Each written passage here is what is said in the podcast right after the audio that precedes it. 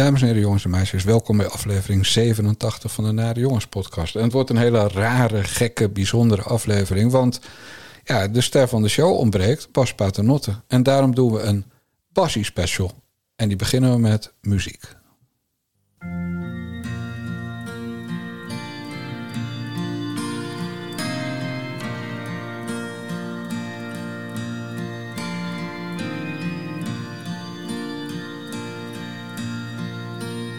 Waarheen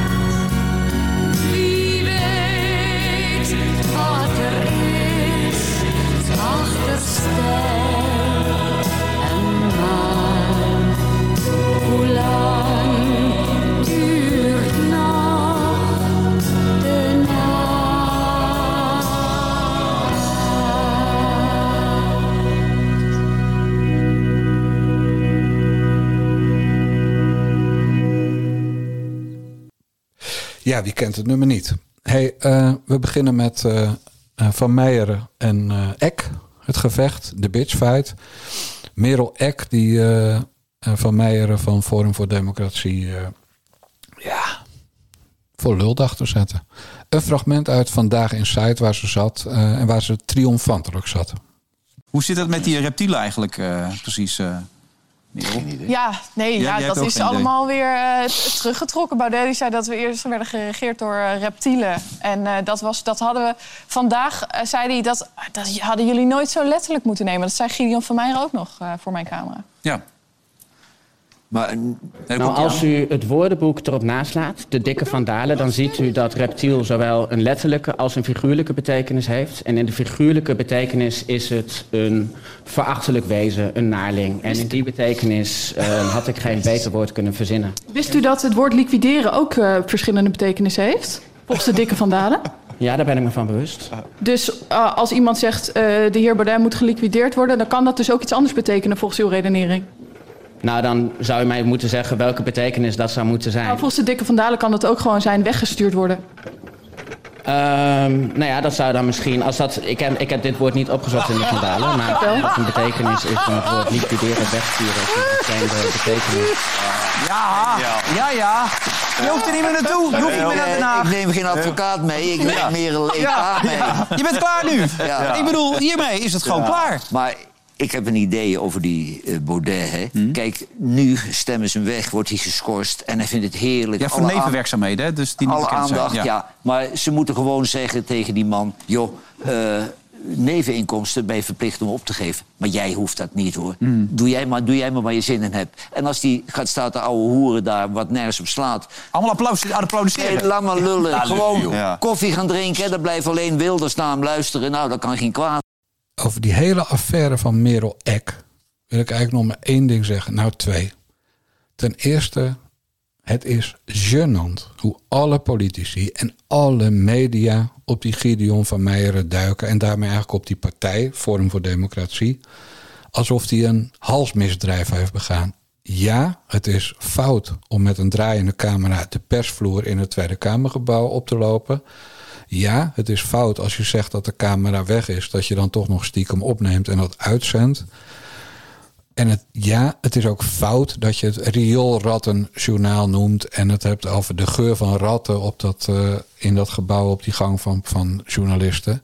Hartstikke fout. Maar het is ook gewoon dom, dom, dom provoceren waar iedereen in trapt. En waarom trappen ze erin? Omdat ze zo langzamerhand toewerken naar een verbod op Forum voor Democratie. Nou, wat ook fout is, is dat Merel Eck heel wijsneuzerig riep.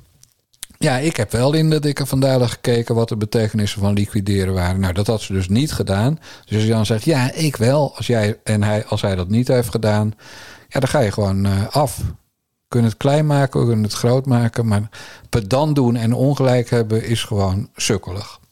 Verder is alles, maar nou echt alles er wel over gezegd. Eh, ook wat mij betreft. Beste mensen, Bas Paternotte heeft drie muzikale idolen. Mozart, maar goed, daar ga ik echt niet aan beginnen.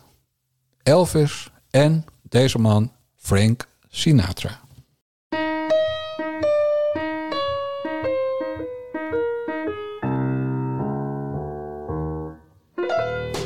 Out of the tree of life, I just picked me a plum. You came along and everything started in to hum. Still, it's a real good bet, the best is yet to come. Best is yet to come, and babe, won't that be fine?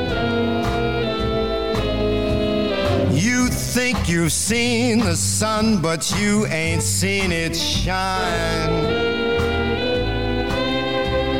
Oh, Wait till the warm up's underway. Wait till our lips have met. And wait till you see that sunshine day.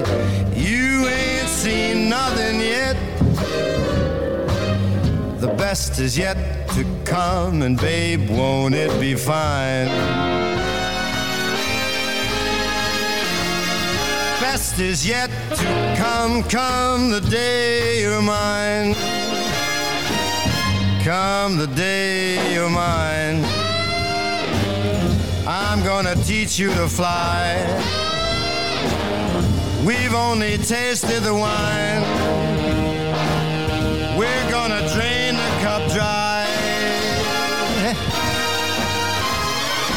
Wait till your charms are ripe for these arms to surround. You think you've flown before, but baby, you ain't left the ground. Wait till you're locked in my embrace. Wait till I draw you near. Wait till you see that sunshine place. Ain't nothing like it here. The best is yet to come, and babe, won't it be fine? The best is yet to come, come the day you're mine. Come the day you're mine. And you're gonna be mine.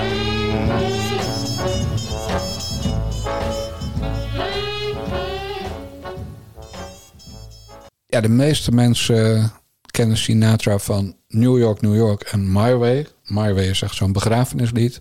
Maar goed, we weten van Bas, althans als we Bas een beetje volgen, dat Frank Sinatra zelf een bloedhekel aan die nummers had. Dus vandaar dat we een ander nummer hebben gekozen, wat ook al past bij de Naar de Jongens podcast. Over de familie Sinatra had Bas een aardig verhaal, want hij heeft namelijk het servies van Nancy Sinatra in de kast staan in Utrecht. En dat verhaal dat ging eh, zo. Ik wil nu naar een, een, een kleinere smeerpijp die wij kennen als de onverbeterlijke schoft. En voor de luisteraars misschien goed even uit te leggen eh, wie het is. Het is Michiel Blijboom, een inmiddels eh, eh, 59-jarige oud sportjournalist uit Oh my god, is hij al 59? ik denk, ik gooi hem er even in. Want dat, Oh, gaat hij niet leuk vinden, hoor, dat vind- dat vindt hij heel erg.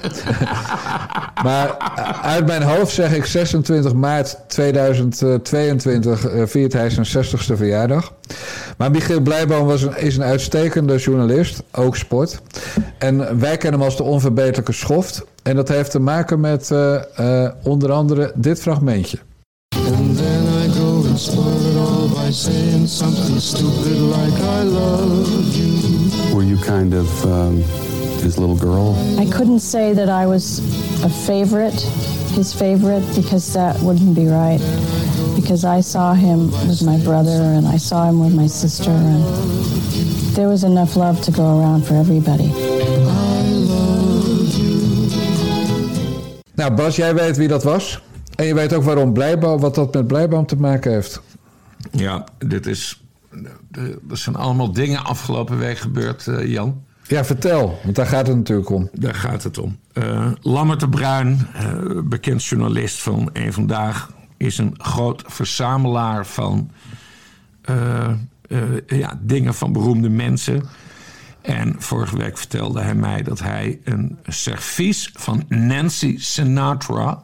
de dochter van Francis Albert Sinatra... eh, had weten te regelen.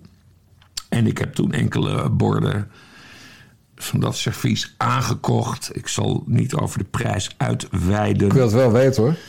En, nee, nee, het viel wel mee. Het zijn zes borden. Ik heb 100 euro voor betaald. Ja, keurig. En, ja, nee, maar hij, hij heeft 90 borden voor 75 euro Eh, gekocht. maakt niet uit. Dat is Dat- echt te grappig. Nee, maar hij heeft er moeite voor gedaan. En jij, Hij heeft, er, eh, hij heeft er moeite voor Ja. gedaan. En ik vind het superleuk om, eh, om die borden te hebben. Want ik heb bijvoorbeeld ook, dat weten weinig mensen... zes wijnglazen uit de erfenis van Napoleon Bonaparte. en als ik soms dineetjes geef, voor corona... want nu geven we geen diners meer... dan zet ik die glazen neer. En dan vertel ik dus dat die mensen uit een glas van eh, Napoleon Bonaparte hun wijn hebben gedronken. En nu kan ik daar dus ook borden van eh, eh, Nancy Sinatra bij zetten. Waarvan ik vermoed dat Francis er ook van heeft ge- gegeten. Want ik kwam natuurlijk bij zijn dochter. Ze mochten elkaar graag. Maar goed, we hadden het over Michiel Blijboom. Eh, Nancy Sinatra, inmiddels 80 jaar oud, nu we het over leeftijd hebben. Die was eh, tien jaar geleden eh, heel actief op Twitter. Ze, reageerde, ze reageerde ook op iedereen. Dus ik, ik heb met haar getweet, ik heb met haar gedM'd. Superleuk. En Michiel Blijboom, de onverbeterlijke schoft, was dat niet ontgaan. Eh, dus hij ging dan naar Nancy's, eh, Nancy tweeten van... oh, ik, ik zie dat u, eh, in het Engels, maar ik zie dat u met, met Bas Paternot aan het tweeten bent. Wat, wat interessant. Wist u dat hij op, op, op biljarttafels een ontzettend slechte imitator is? En, en maar zijn, zijn allermooiste opmerking was... Beste Nancy, klopt het dat uw vader ook zanger was? Nee, maar dat is typisch Blijboom. Zuigen, zuigen, zuigen. Maar ze heeft hem jaren gevolgd. En in 2016 of zo, ik weet niet meer, maar toen, eh, toen eh, eh, ik weet niet meer wat de aanleiding was. Maar ergens in 2016, want ik heb, ik heb het opgezocht. Toen heeft ze Blijboom geblokt. en, en noemde ze hem een schoft. Echt? Ja, ja, echt gaaf. Ja, dat is heel goed, ja. ja. Nou, ik vind dat een mooie anekdote. Wat heb jij nog meer voor spullen? In de memorabilia-sfeer? Nou, ik heb nu dus die borden van Nancy. Ik heb glazen van Bonaparte. En ik heb nog, ik weet niet of we dat eh, moeten vertellen, maar ik heb ook nog wat nazi-dingetjes. Ja, vertel me. Ja. Kijk, je kan ook aan mij vragen of ik dit eruit wil knippen. En dan zeg ik nee. Maar, Maar die, het, maar die heb het je is wel niet... interessant, hè? We hadden, we hadden het er eerder. eerder eh, Over Polen hadden we het. Nee, we hadden het eerder over, over, over eh, mijn interesse in de Tweede Wereldoorlog. En, en waarom ik ook gelijk die, eh, eh, die karikatuur eh, als antisemitisch zag. Nee, er- was. eh, meneer het Kromhout, een, een, die heeft een boek geschreven over, over Veldmeijer. En dat was de hoogste Nederlandse SS'er. En ja, dit wordt een heel ingewikkeld verhaal. Maar in de kern komt het neer. De broer van de vriend van mijn moeder heeft een inval gedaan na de Tweede Wereldoorlog bij die Veldmeijer. En die heeft er allemaal documenten en, en, en van, die, van die kruisen, van die, hoe heet dat? Van, Ja. van die ridderkruisen mee- meegenomen. En die zijn in mijn bezit. En, en dat is natuurlijk. Ja, dat, eh, ja eh, nazi-memorabilia. Maar het is toch, toch een stukje geschiedenis. Dus dat ligt hier gewoon in een, in een verhuisdoos. Dat is verder niet zo Nee, het, ligt, het hangt niet aan de wand, begrijp ik. het hangt niet aan de wand. Die borden van Nancy Sinatra. Ik moet de doos nog uitpakken, want ik heb het erg druk. Maar ik moet de doos nog uitpakken en daar ga ik een video van maken. En ja, binnenkort krijg ik hier gasten en dan eten ze van een bord van Nancy Sinatra. Kikken. En dat gaat niet een wasmachine in, neem ik. Een vaatwasser in. Nee, en, en Lambert en ik eh, op de Dekselse Twitter, we, we kregen ook kritiek van... Oh, oh, dat jullie tijdens coronatijd dit soort, soort dingen kopen... en het is allemaal hartstikke duur. En, maar wat, wat dus meeviel, want hij heeft dus voor 75 euro alles gekocht... en, en, en ik heb 100 euro betaald voor zes borden. Dus hij draait dikke winst. Eh, maar wat nog erger was, en dan zie je echt die Nederlandse kleinburgerlijkheid... van is het wel afwasserbestendig? Who the fuck cares? Het zijn de borden van Nancy Sinatra. en ik voel de vibe uit die doos die ik nog steeds moet uitpakken. Als ik mijn hand erboven houd. En de, de kat ging er ook helemaal... Hè, onze, onze kat ging erop zitten. Die werd helemaal gek. Er zit minimaal één bord in... waar Frank Sinatra van heeft gegeten. En ik werk 60 uur per week. En ik vind het super mooi dat ik zoiets kan kopen. Ja, en verder is Lambert natuurlijk wel een ongelooflijke hebberige teringleier, hè? Hij, is, hij is geweldig. Hij heeft, hij Als jij heeft- 90 borden voor 75 euro koopt... en dan vervolgens voor dit bedrag doorverkoopt aan jou... vind ik hem toch niet helemaal in de haak, eh, Bas. Lambert is een fenomeen. Weet ik. Hij heeft, hij heeft de Bijbel van Elvis Presley gekocht. Elvis was heel erg, eh, hoe heet dat, gelovig hè? Lambert heeft de Bijbel van Elvis Presley. Ja. Nee, dan ben je een topverzamelaar. Nee, dat geloof ik wel. Maar even, even to the point nog. Hoe is dat bedrag tot stand gekomen? Hij vroeg 100 en jij zei dat is goed. Of jij zei, wat moet je ervoor hebben? Zei hij, roep maar wat. Nee, nee, dat was mijn initiatief. Ik zei direct, ik, geef, eh, ik heb 100 euro over. Voor zes dinerborden. Ik wil geen ontbijtbordjes. Ik wil zes dinerborden. Kun je 100 euro voor krijgen. Hebben we een deal. En toen hadden we een deal. Dus die ontbijtbordjes heeft hij nog. Ja. Ook zes. Ja, het, is een enorm, het is een enorm servies. Het heeft hem trouwens wel veel gekost. Want hij heeft het dus voor 75 euro gekocht. Eh, alle- alleen het werd in zes pakketten vanuit Los, Los Angeles eh, bezorgd. Shipping.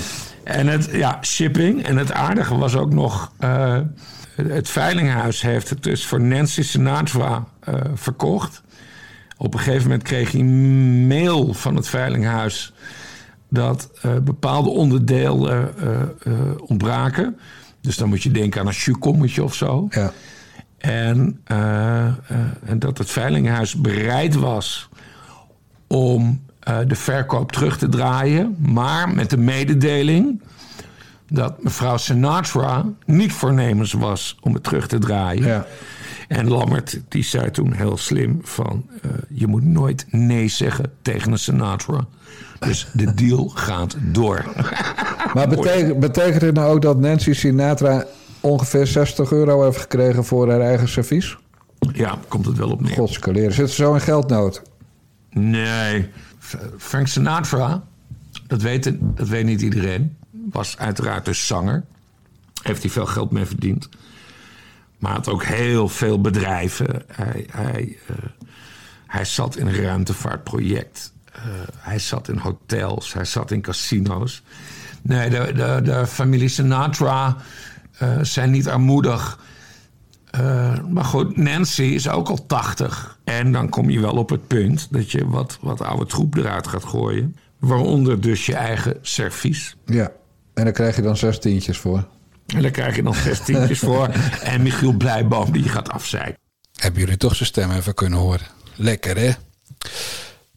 Goed, ander nieuws. Waarom zijn we een beetje laat met de Naar de Jongens podcast? Nou, ook omdat we natuurlijk in afwachting waren van het proces tegen Glennis Grace. De zangeres die heel zachtjes met haar hand had geaaid in het gezicht van een Jumbo-medewerker... als we haar verhaal bij Eva Jinek moeten geloven. Dit verhaal. Ik stond er eigenlijk achter en ik bekeek het. Totdat ik diegene aansprak wie de duw had gegeven aan mijn zoon. Waardoor hij verwond raakte. Ze zeiden niks. Wat vroeg jij? Of hij het normaal vond dat mijn kind er zo uitzag. En toen werd het eigenlijk stil en begonnen ze te lachen. En dat was voor mij waarschijnlijk de trigger en dat ik een blackout kreeg. En toen heb ik hem een duw in het gezicht gegeven. Een duw in het gezicht? Ja. Met een open hand zo? Of? Ja, het was dit. En toen?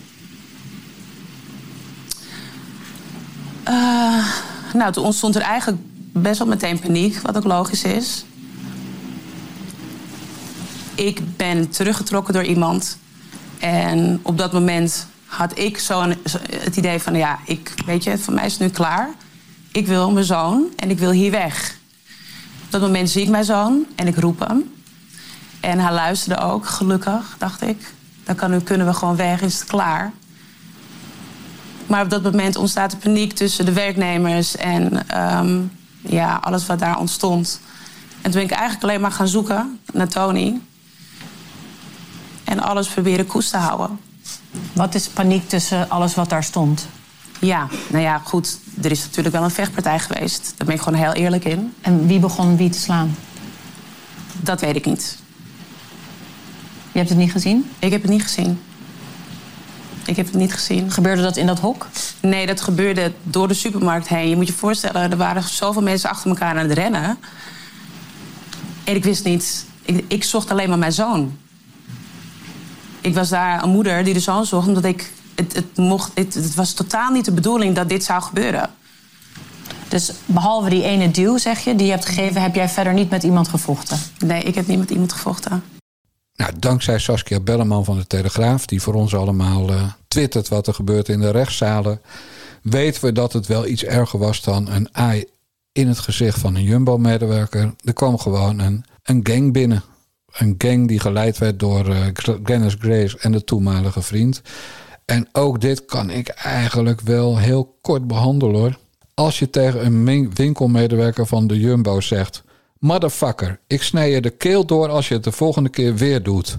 Omdat die jongen gewoon volgens de regels haar zoontje de winkel uit had gezet. En met een duwtje de winkel uit had gezet omdat dat teringleiertje weigerde te gaan. En dan ben je gewoon af.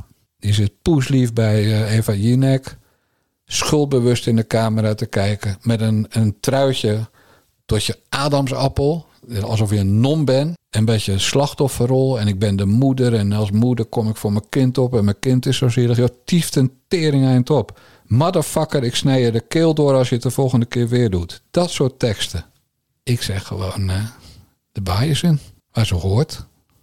En daarna de goot. Want iedereen die dit Gaius nog een keer inhuurt als zangeres... die heeft echt een hele slechte smaak. Ik ben alweer toe aan een stukje muziek eigenlijk hoor. Nou, die andere held van eh, Bas dan. Elvis.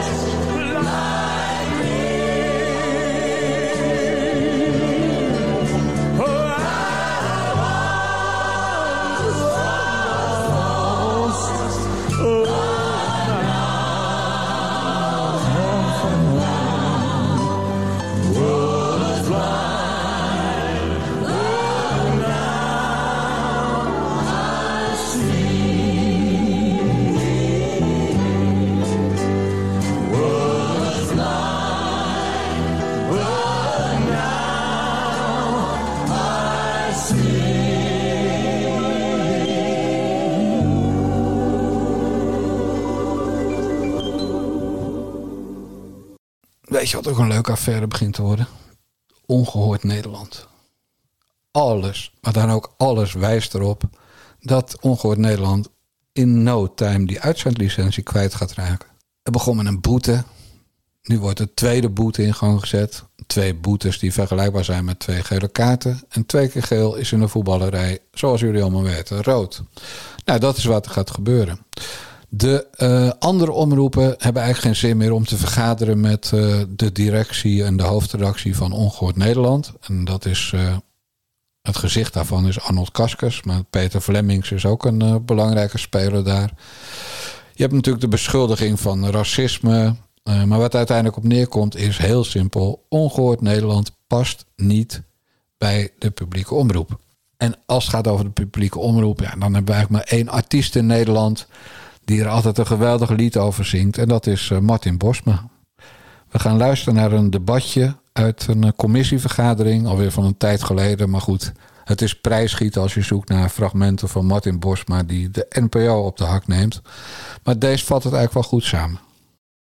Ik weet niet of eh, collega Bosma maar daar iets over kan uitleggen. Of dat zo is. Bent u geobsedeerd eh door elkaar? Nou, ik ben, Meneer zeker, ik ben zeker geobsedeerd, maar ik ben vooral geobsedeerd door de plaats die wij als Kamerleden hebben in onze grondwet. En een van onze kerntaken voor ons is dat wij kijken of wetten worden uitgevoerd. Dat is wat we onder andere hier doen. We doen ook andere dingen. We willen dingen veranderen, komen met voorstellen, whatever. Maar we kijken ook of wetten worden uitgevoerd. Want anders kunnen we dit gebouw net goed ombouwen tot een caravanstalling. En ik heb altijd bij mij artikel 2.1.2 van de mediawet. Dat is het hart van de mediawet. En daarin staat heel veel dingen die de staatsomroep moet doen. Gewoon een journalistiek product leveren van hoge kwaliteit. En dat doet de staatsomroep niet. En dus houdt de staatsomroep zich niet aan de subsidievoorwaarden. En dus moeten we gewoon stoppen met zijn geld geven. Mevrouw Wijten. Voorzitter, ik, uh, ik, ik ben met name ook een beetje aangeslagen op, op, op, op de communicatie en, en het taalgebruik. Uh, het gaat natuurlijk in, in eerste instantie echt om een, om een inhoudelijk mediadebat. Uh, deel van de vragen die de collega aangeeft zijn, zijn juist. En zijn wij ook wat dat betreft nieuwsgierig hoe dat verder besproken wordt door, door de minister zometeen in het, in het tweede termijn of in zijn reactie. Uh, maar daarnaast vind ik wel dat ik afstand mag nemen van uh, de wijze waarop uh, en de indruk die de, die de, de heer Bosma geeft, alsof het een ja, een, een, een soort politieke statement is. En daar, dat, dat, dat, dat vind ik niet juist, voorzitter. Nee, het wordt, natuurlijk te, het wordt natuurlijk te gek voor woorden als Kamerleden zomaar politieke statements gaan geven. Dat ben ik met u eens. We moeten, we moeten de politiek buiten de politiek houden. Ja, het is toch te gek voor woorden dat een partij als D66, die is opgericht voor transparantie, die is opgericht voor een helder openbaar bestuur, dat die zo de staatsomroep misbruikt en voor het karretje spant van haar eigen naargeestige verkiezingscampagne. Die dus gewoon van deur tot deur gaat met folders waarin staat: uh, kijk naar die documentaire. Waarom? Omdat die documentaire van mevrouw Kaag dus gewoon onderdeel uitmaakt van de verkiezingscampagne van D66. En ik vind het best dat D66 veel filmpjes maakt. Maar waarom moeten, waarom moeten belastingbetalers daar in hemelsnaam aan meebetalen? Ik voel me vies. Ik voel me gewoon smerig dat ik belasting moet betalen voor die rare staatsomroep, voor die rare NPO. Die dus campagnefilms uit, uitzendt van anderhalf uur ter meerdere eer en glorie van de minister van Hoop, mevrouw Kaag. Waar niet één kritische vraag in zit. Waar niet wordt gesproken over haar ontslag bij de Verenigde Naties. Waar niet wordt gesproken over haar banden met de PLO. Waar niet wordt gesproken over het geld dat zij heeft gegeven aan de PFLP, een Palestijnse terreurorganisatie. Niet over de moord op een 17-jarig meisje, Rina Schnerp, vermoord met geld van mevrouw Kaag. Allemaal prachtige vragen die je zou kunnen stellen in een journalistiek product, maar dat gebeurt niet. En dus wordt artikel 2.1 punt 2 van de mediawet niet nagekomen. En dat zou u aan het hart moeten gaan. Dat zei u al. Dan is er nog een vraag van de heer Van Strien. Ja, dank uh, voorzitter. Uh, de heer Bosma, ik help hem graag, want hij heeft al zijn tijd verbruikt aan, uh, aan D66. maar ik stel hem graag ook de kans om even te reflecteren op, op de, media en het medialandschap. Want hij is natuurlijk werkzaam geweest ook bij die staatsomroep. Hij is ook afgelopen week meegeweest naar Hilversum op het Mediapark. Heeft daar ook geluncht met iedereen. Dus ik vroeg me gewoon af, zijn er onderwerpen waar hij nog wat over wil zeggen... als bijvoorbeeld de rol van NL Ziet, de samenwerking tussen landelijk, regionaal en lokaal, uh, andere zaken, het medialandschap. Ik geef me graag nog de kans om wat reflecties met ons te delen over het onderwerp van het debat. Namelijk de toekomst van het medialandschap, de concessiebeleid, et cetera. Uh, voor de, op zich bent u niet direct in de positie om de heer Bosma kansen te geven. Hoezeer ik u uh, in ondersteunende functie dat, dat ook waardeer. Het is niet de bedoeling dat hij nog drie minuten aan zijn termijn gaat toevoegen. Maar als hij enkele losse opmerkingen wil maken op basis van het werkbezoek... dat inderdaad op basis van het fotomateriaal er heel gezellig uitzag... dan ben en ik daartoe bereid. En beide staatsomroepen als... Wat, wat was uw laatste opmerking, sorry? Ervaring natuurlijk bij de staatsomroep. Je heeft ook gewerkt.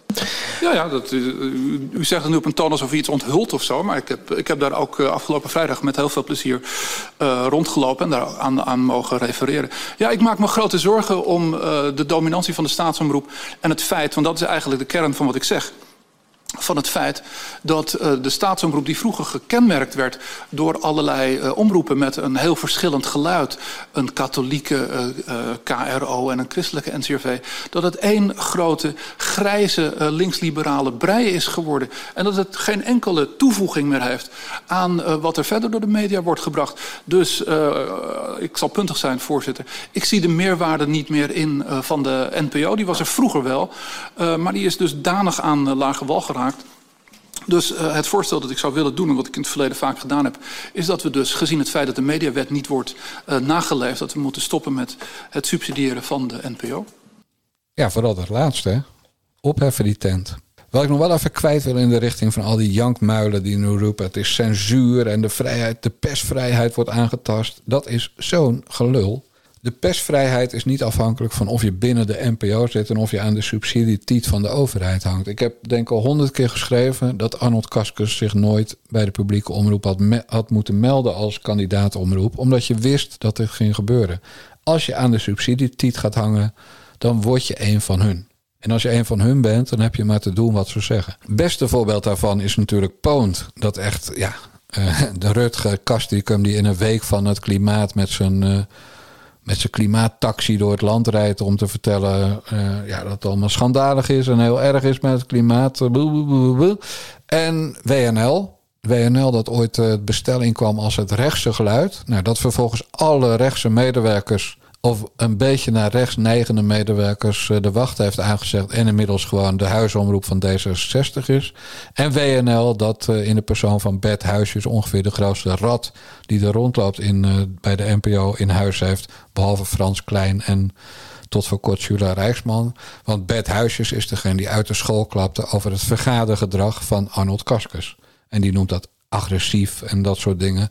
Kortom, het komt erop neer dat Arnold Kaskus als een soort, of Peter Flemings, als een soort ongeciviliseerde apen door Hilversum lopen en de rest van de publieke omroepen in elkaar willen slaan, terwijl ze alleen maar hun eigen geluid willen laten horen. Nou, je weet dan dat met de mediawet in de hand je gewoon gekild gaat worden. Twee keer geel, dus twee keer een boete, betekent dat er een verzoek vanuit de NPO naar de staatssecretaris, mevrouw Oesloe van D66 kan. En mevrouw Oesloe kan met één pennenstreek zeggen: Ik trek de licentie van Ongehoord Nederland in. Nou, dan gaat Arnold Kaskus weer boe, boe, boe, boe, boe uh, op, de, op de website van Ongehoord Nederland doen. En als die mazzel heeft, nog in één lunchprogramma van Ongehoord Nederland. Er gaan misschien drie boze mensen met een NOS is fake news jasje op het Mediapark staan. Het staat de volgende dag in de kranten. Heel misschien doen de weekbladen nog wat mee. En daarna is het over met Ongehoord Nederland. En hoe was dat nou te voorkomen, beste mensen? Abonnees, donateurs, advertenties. Als Kaskus nou echt denkt dat hij een ongehoord en belangrijk geluid vertegenwoordigt, dan moet hij zijn eigen broek ophouden, zoals ze dat bij RTL doen, bij SBS en bij alle andere commerciële stations. En niet aan de tiet gaan hangen bij de staatsomroep. Want de staatsomroep is DDR 1965 ongeveer. Doe met ons mee en anders krijg je een mes in je rug. Nou, dat is gebeurd. Is het erg? Het zal mij jeuken. Wat mij niet zal jeuken, is dit.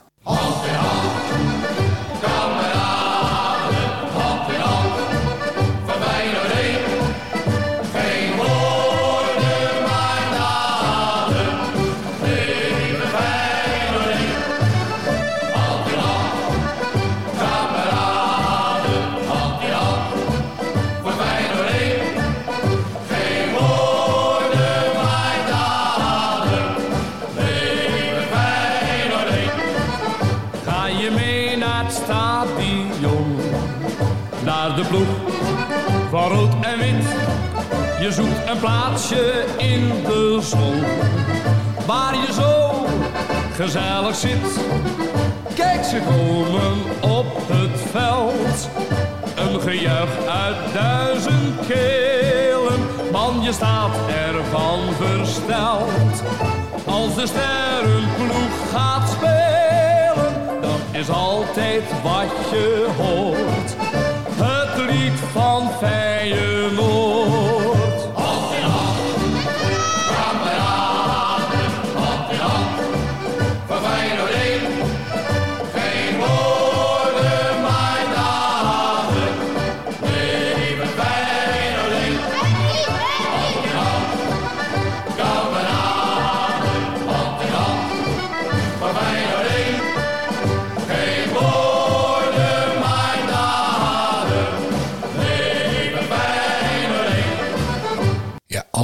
Bas Paternotte er niet is, dan eh, hoef ik het niet over badminton te hebben, maar dan kan het gewoon over voetbal gaan. En er was vandaag heugelijk nieuws over Feyenoord City en de Kuip. De Raad van State heeft namelijk definitief een grote streep gezet door dat hele project.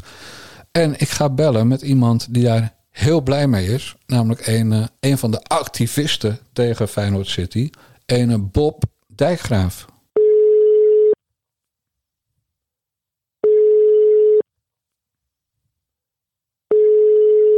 Jan Dijkgraaf. Nee, dat trappen we niet in.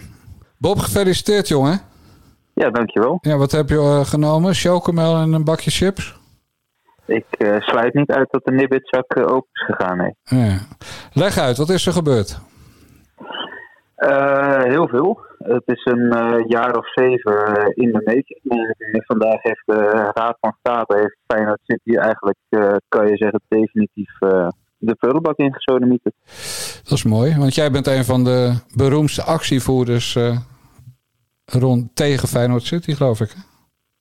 Eh, volgens de club zijn er maar 25 eh, mensen die tegen dit plan zijn. En ik durf wel te stellen dat ik onder die 25 mensen val, ja. Ja.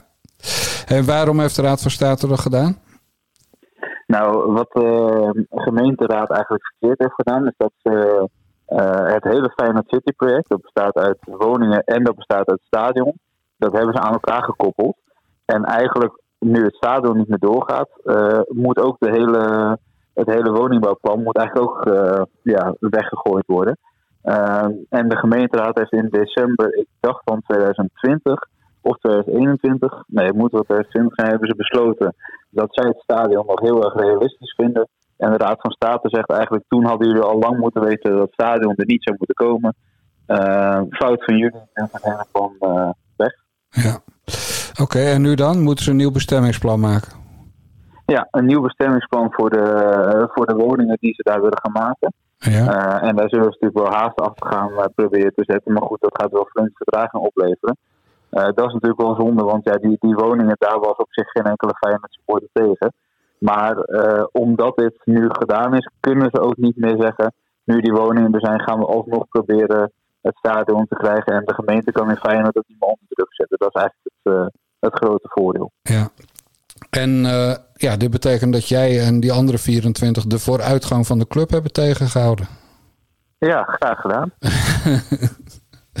Waarom was dat nou volgens jou gelul? Waarom, waarom Nou, was het niet goed, het Feyenoord City stadion? Het, eh, het hing aan, van allemaal aannames hing het aan elkaar. En alleen al eh, elke eigenlijk verhoging van de bouwkosten zou direct invloed hebben op het bedrag dat Feyenoord per jaar uitgekeerd zou krijgen. En ze hadden gekozen voor een theaterconstructie.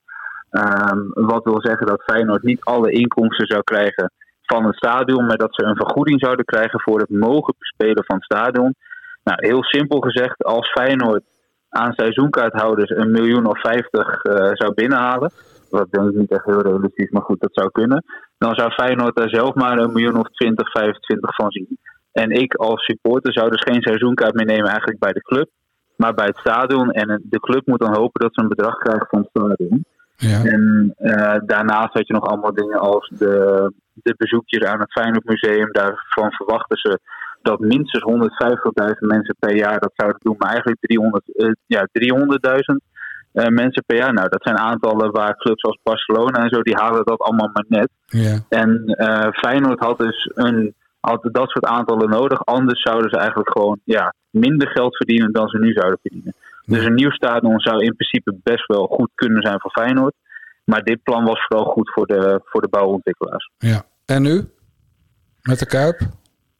Nou ja, wij, eh, die, die 25 mensen, nee, eigenlijk iedereen, wij vinden al lang dat het stadion eh, verbouwd moet worden. Maar ja, nu komt het volgende probleem. Eh, de Kuip, het stadion, heeft heel veel geld gestoken in, in deze plannen. Heeft een lening afgesloten bij Goldman Sachs, die moet terugbetaald gaan worden. Dus de kans is aanwezig dat het stadion zelf failliet gaat. Nou, dan zou Feyenoord kunnen overnemen. Dat is allemaal ingewikkeld en moeilijk. Maar ja, er moet verbouwd worden. Alleen de vraag nu dus heel erg van welk geld. En eh, ja, dat, eh, dat is even spannend. Maar er is nu in ieder geval eindelijk gewoon zekerheid dat we hier de komende minstens tien jaar zitten. En dat er dus ook gewoon echt noodzaak is om te verbouwen. Want eigenlijk heeft het stadion directie heel lang gezegd, die wc's, laat me lekker verrotten. Er waren gaten in het dak, gaan we niks aan doen, want we gaan niet of snel weg. Nou, en eigenlijk hebben ze dus gewoon het stadion helemaal laten verpauperen. En, eh, en nu moeten ze wel gaan investeren om, eh, ja, om het stadion weer een beetje beter te maken. En eh, dat is iets waar, eh, waar ik met name heel blij om ben. Dat het, ja, het mooiste stadion van Nederland werd gewoon echt verkracht. En dat ze nu gedwongen worden om het weer een opknapbeurt te geven. Ja, en dat je weer kan pissen in de rust.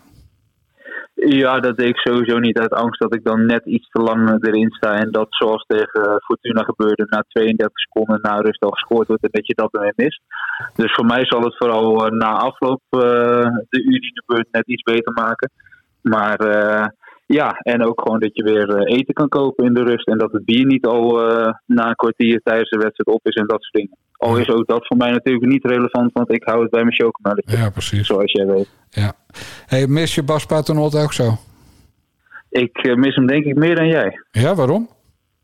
Nou ja, voor mij is het gewoon onderdeel van mijn week. Ik wandel eh, of rij auto terwijl ik er naar luister. Ja, en dat kan nu niet. Nu heb ik toevallig natuurlijk als docent weer vakantie.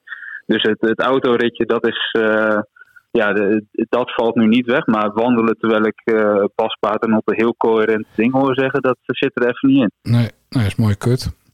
Hey, er zijn wel eens mensen die denken dat jij en ik dezelfde stem hebben. Zou dat nu ook het geval zijn geweest? Ja, dan is het een heel, eh Ja, gesprek heel verwarrend gesprek. Ja, Ja, Dan praten we ook door elkaar af en toe. Ja, maar goed, dat, dat is bij ons ook wel gewoon eh, regelmatig echt het geval. Dus dat, is niet, eh, dat ligt dan niet eens aan de stemmen. Nee. Hey, eh, derde plaats dit jaar, Feyenoord? Eh, ja, hangt een beetje van PSV af. Als PSV een inzinking krijgt, dan kunnen we nog tweede worden. Maar realistisch inderdaad derde. En dan in de Europa League door, maar de eerstvolgende ronde eruit. Beker, kansloze nederlaag. Misschien tegen PEC nog door, maar dat je dan eh FCM uitloopt en dat het dan stopt. Zoiets zal het wel worden. Ja. ja, Ben je aan gewend als Feyenoord supporter? daarom. daarom. En Ajax dus al feliciteren met het kampioenschap, begrijp ik. De vlieger met name. Nou, dat, eh, dat gaat me wel net wat te ver. Maar mochten we dat dan echt doen, dan doen we dat eh, ergens rond, eh, wat was het, 22 maart of zo wel. Ja. Maar dan wel nadat wij dan de grootste nederlaag van Ajax deze competitie hebben toegebracht. Oh? Denk je dat? Nee, denk het niet. Maar goed, je, je moet hoop houden. Op Ja, een dag als vandaag is er iets meer aanleiding toe. Ja. Maar goed, je hebt dus het... met, met 24 anderen heb je de toekomst van Feyenoord verkankerd. Op zo'n Ja. Rotterdams gezegd. Je moet maar zien of er geld is voor, voor het verbouwen van de oude Kuip... die ze hebben laten verslonzen de afgelopen tien jaar. Ja. En, eh, en, en ergens eh, in het midden van het land zit nu een eh Feyenoord supporter te juichen... met een, een chocomel en een bakje nibbit.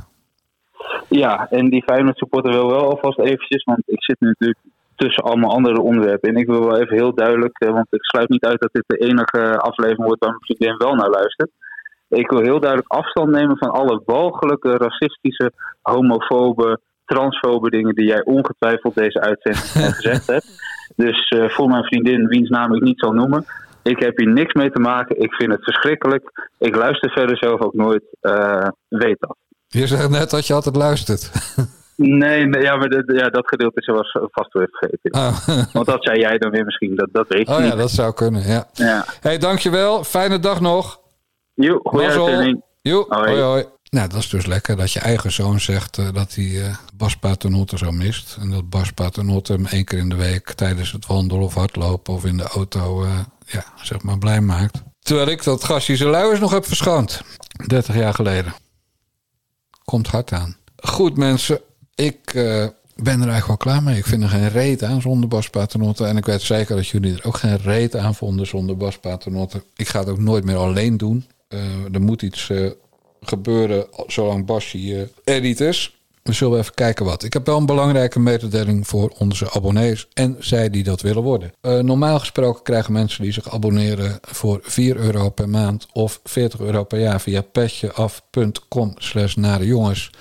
Elke week ook een bellen met Bassie en een Nare Jongens podcast vanuit de Bassie en Jan Moskee op zondag eh, in hun eh, apps, mailbox, whatever. Eh, maar dat doen we dus nu even niet. Dus als je nog geen abonnee bent, wordt het niet. Of als je zegt van nou, ik wil Bas Paternotte een hart onder de riem steken en wat euro's in zijn portemonnee schuiven, doe het dan vooral wel. Petjeaf.com slash naar de jongens. Maar het kan best een paar weken duren. Dus ga dan niet mailen of nog erger bellen, want ik haat bellen. En ons lastigvallen met wat blijft nou eh, bellen met Basje, wat blijft er Basje en Jan Moskee. Want die doen we gewoon even niet tot Bas volledig hersteld is. Nou, de mazzel. En normaal zegt Bas dan, doei doei. Dus doe ik het. Doei doei.